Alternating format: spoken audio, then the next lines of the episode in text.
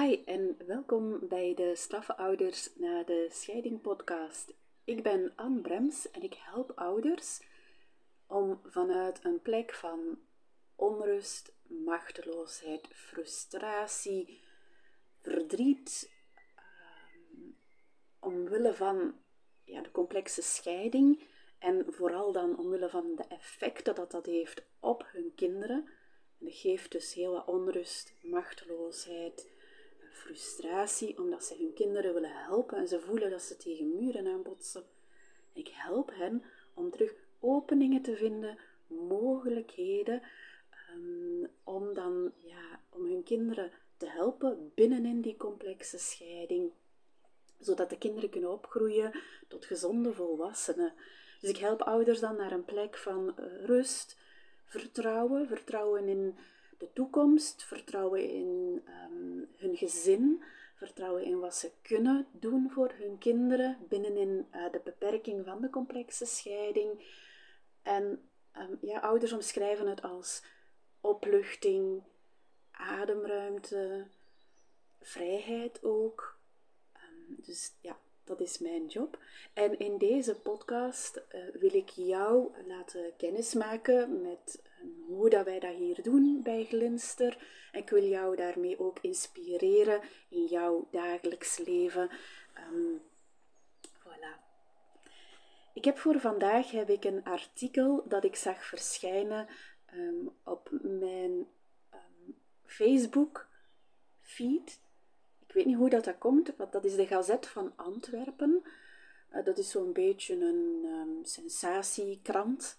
Gazet is Vlaams een, uh, voor krant.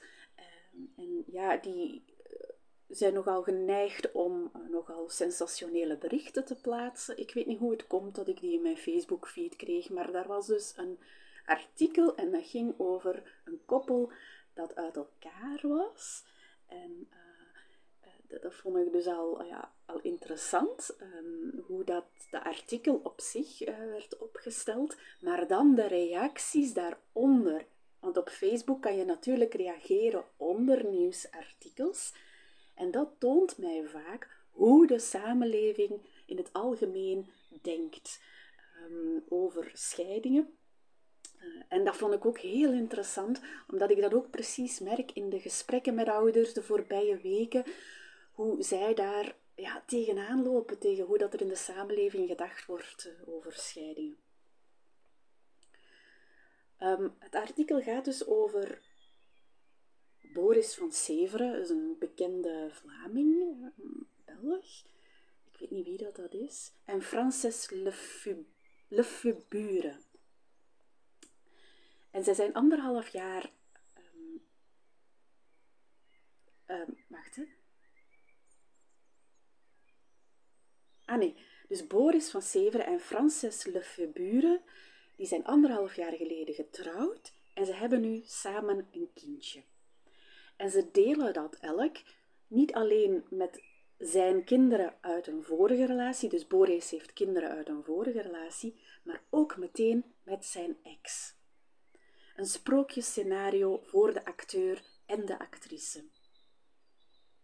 Toch komt het nog voor, zegt de therapeute, als ex-partners een cruciale sleutel vinden. De cruciale sleutel, die moet dus gevonden worden. Hè? nu, ik vind dat heel mooi, hè? dat er zo'n verhalen zijn, dat er zo'n verhalen verteld worden. We hebben er ook allemaal wel soms wel nood aan, aan, aan mooie verhalen en um, mooie momenten. Dus helemaal, ik doe helemaal um, het artikel geen onrecht toe. Maar ik bekijk het vanuit de ogen van die kleine groep ouders die heel veel inspanningen doen om ook zo de cruciale sleutel te vinden. En die merken van, oh, ja, waar is die cruciale sleutel? Die dat zo graag zouden willen gunnen ook aan hun kinderen, die cruciale sleutel. Um, dus ja, het artikel zelf, um, ja, daar heb ik eigenlijk niks aan toe te voegen. Een droomscenario lijkt het weggelegd voor mensen die niet worstelen met hun ex. De meerderheid worstelt in zo'n situatie, zegt een relatie- en gezinstherapeute. in 15 jaar praktijkervaring, um, ja, dat vind ik dus heel mooi, hè, hoe dat deze relatie- en gezinstherapeute vertelt hoe zij in haar 15 jaar praktijkervaring heel veel koppels zag in nieuw samengestelde gezinnen. En hoe zij ook ziet hoe ouders worstelen na de scheiding. En dat zij dat ook voor een stuk zegt, dat is normaal. De meerderheid worstelt in zo'n situatie. Vind ik een heel mooie kadering van deze therapeuten. En ze zegt ook, ja, het raakt mij. Er zijn ook situaties waarbij dat er zo'n samenwerking is. Het is niet evident om een oude relatie achter je te laten. En voor sommigen is dat kei moeilijk. Ze blijven met gekwetste gevoelens zitten en er volgt een rouwproces. En ook, laten we eerlijk zijn, zegt ze, kinderen opvoeden is niet evident. Dan zie je op school bijvoorbeeld de ene ouder tegen de directeur zeggen dat ze voor een probleem met een kind maar naar de andere ouder moeten bellen. En dat gebeurt ook wanneer dat er nieuwe partners verschijnen na de scheiding. Daar vertelt zij ook over. En ik zie dat ook in mijn praktijk. Wanneer dat er dan bij een van beide ouders een nieuwe partner komt, en dan mogelijk ook een nieuw kindje, hoe dat soms ineens de spanningen doet stijgen. Ik heb menig ouder gesproken die zegt: de complexiteit, het conflict is pas ontstaan toen ik een nieuwe partner kreeg of toen dat, mijn, toen dat de andere ouder een nieuwe partner kreeg. Dan is het pas begonnen. Dus dat geeft ineens spanning. Ja. En dan, dus dat, daar, daar zit een voedingsbodem bodem voor nog meer bitterheid. Dat doet pijn. Ehm, en pijn kan uitgroeien tot bitterheid. Een worst case scenario, zegt de therapeut, dat de ex-partner het nieuws via via moet vernemen. Een sms met de boodschap dat er een kindje komt met iemand wie hij of zij wel een toekomst ziet, is ook geen succesformule. Wat het beste werkt, is een één-op-één gesprek met de ex-partner, niet aanvallend, maar respectvol. Dus dat is wat de therapeut zegt. En dan nog een heel klein stukje, en dan ga ik overgaan naar de reacties die ik las op Facebook. De therapeut zegt ook: respect voor de ex-partner is de sleutel, zo blijkt. Ja. Dus in nieuw samengestelde gezinnen zien we soms dat de nieuwe partner een concurrente wordt of wordt gezien van de ouder. Dus bijvoorbeeld stel dat een vader een nieuwe partner heeft, een vrouw, dat die vrouw ehm, gaat concurreren met de moeder of dat de moeder gaat concurreren met die nieuwe vrouw. Dus dan ontstaat er concurrentie, terwijl er is helemaal geen nood voor concurrentie, want ze hebben alle twee heel andere aparte rollen. Maar daar zijn ook heel veel verwarringen over in de samenleving. Daar zal ik misschien een andere podcast over opnemen. Als de behoefte van het kind vooropgesteld wordt, zegt de therapeut, en niet de gevoelens van de ex-partner zelf, dan is dat zo veel als een sleutel voor een vreedzame opvoedingssituatie. Ja, dat is de cruciale sleutel, hè? als de behoeften van het kind vooropgesteld worden. Ik zie ouders in complexe scheidingen, en dan spreek ik over ouders die al jaren gescheiden zijn, en die telkens opnieuw jarenlang zich inzetten om die behoeften, om die belangen, om dat welzijn van hun kinderen voorop te zetten in de communicatie, maar wij ze merken van ik vind die cruciale sleutel niet voor die vreedzame opvoedingssituatie. En dan, daar zijn wij dan bij Glinster goed in. Wij gaan dan heel out of the box denken, voelen, doen, ervaren. We hebben een andere cruciale sleutel en dat is dan, ehm, ja, ja, dat is dan het parallelouderschap, het solo-ouderschap. Ehm, maar ook heel out of the box denken over concrete situaties die zich voordoen, daar dingen gaan in uitproberen en dan de effecten ervaren. Zo was er een moeder en ze zei vorige week: Anne, ik heb het echt ervaren, ik heb het gevoeld, het werkt. Het was precies of ze had een openbaring gehad. Ze was zich daarvoor al heel wat aan het inzetten ook, samen met mij. En ik weet ook, ouders moeten daar even in volharden, tot ze op dat moment komen van dat ze voelen, het werkt, wat we hier samen doen.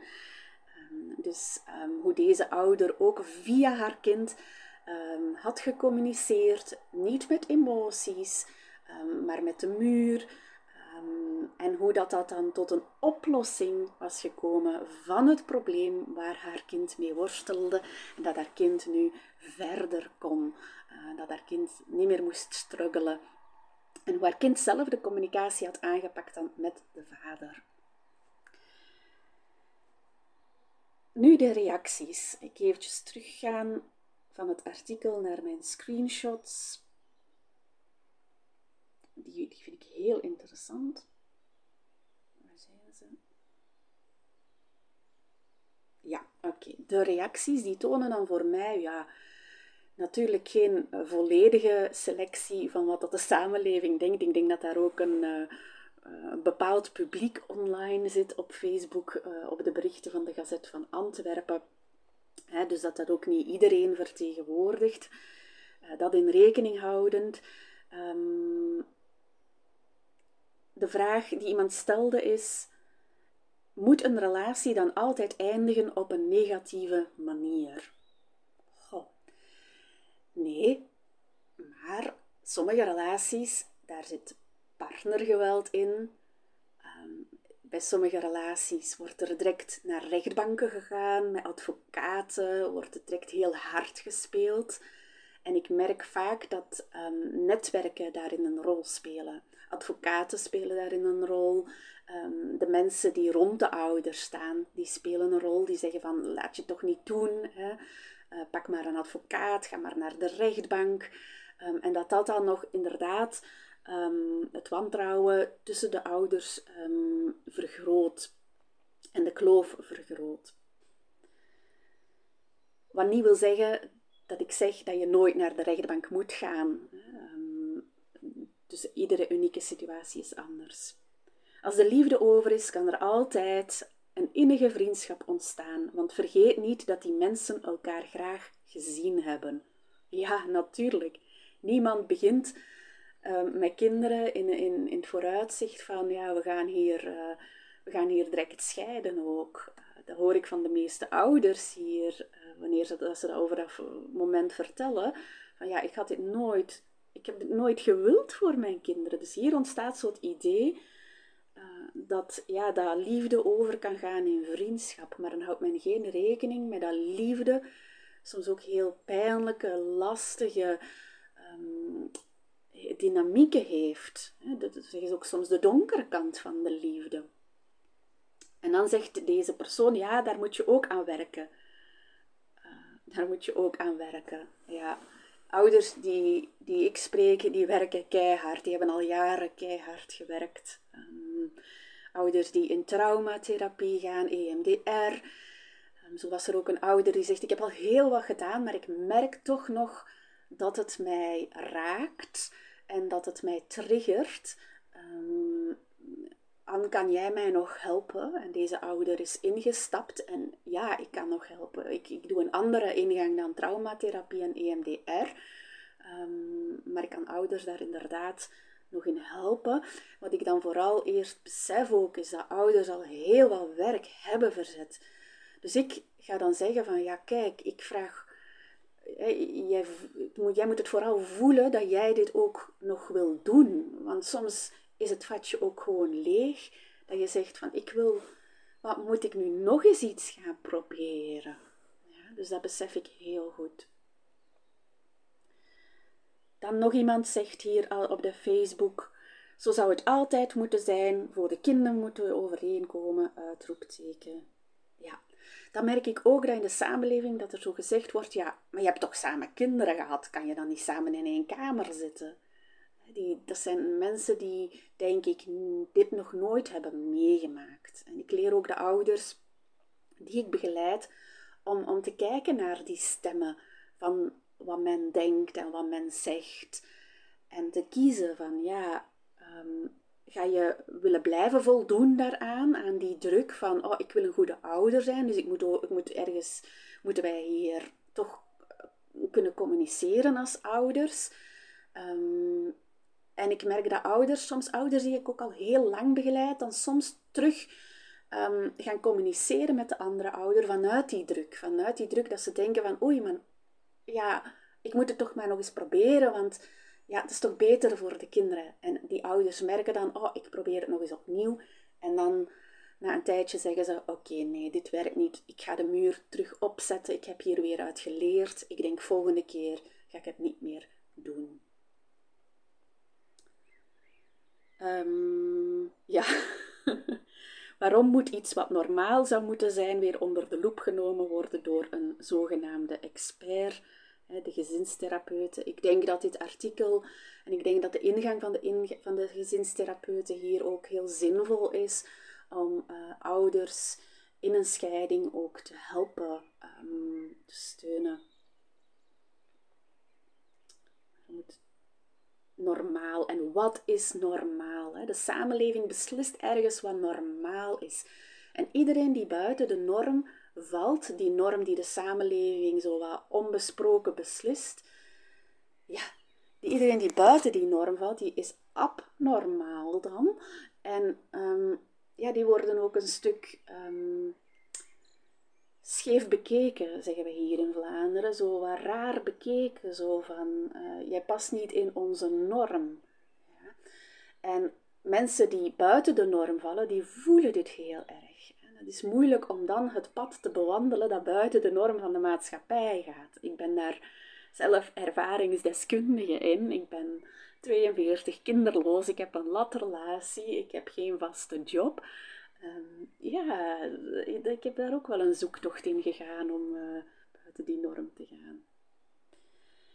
Uh, voilà. Dan zegt er nog iemand: Het is niet altijd makkelijk, maar als je het echt wil, kan het.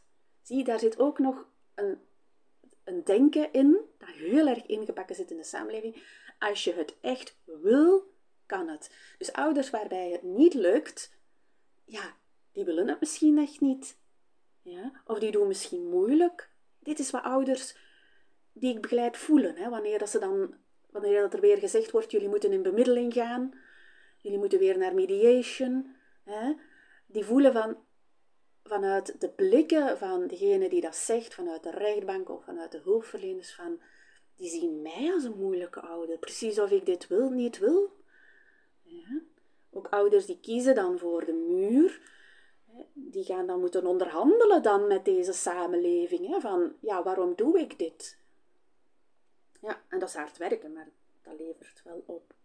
En dan nog een laatste. Dat was het, denk ik. Ik heb nog eentje. Ah nee, dat was het is niet echt gemakkelijk, maar als je het echt wil, kan het inderdaad.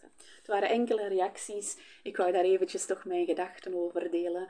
Ehm, het is altijd fijn om van jou te horen. Van jou. Ehm, misschien is het de eerste aflevering die jij beluistert van de podcast Af Ouders na de scheiding. Heel fijn dat je erbij was. Laat zeker van jou horen als je mijn e-mailadres nog niet kent. info.glinster.co Dat is ook een e-mailadres dat alleen voor mij toegankelijk is. Ehm, ben je een trouwe luisteraar. Ja, ik zou heel graag weten wie jij bent. ik krijg dat soms te horen van ouders. Ik zie ook dat er trouwe luisteraars zijn aan, aan de, de statistieken van de podcast. Het zou ook heel fijn zijn om van jou te horen.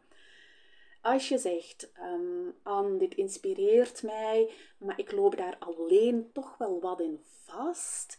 Ik, ik lukt mij niet en ik zou toch graag jouw hulp daarbij willen neem dan even contact ook op met mij. Ehm, dan bekijken we even wat, waar jij hulp bij nodig hebt, hoe dat ik jou daarbij kan helpen ehm, en op welke manier uh, dat wij daarin zouden kunnen samenwerken. En dat kan ook op het eh, e-mailadres info.glinster.co.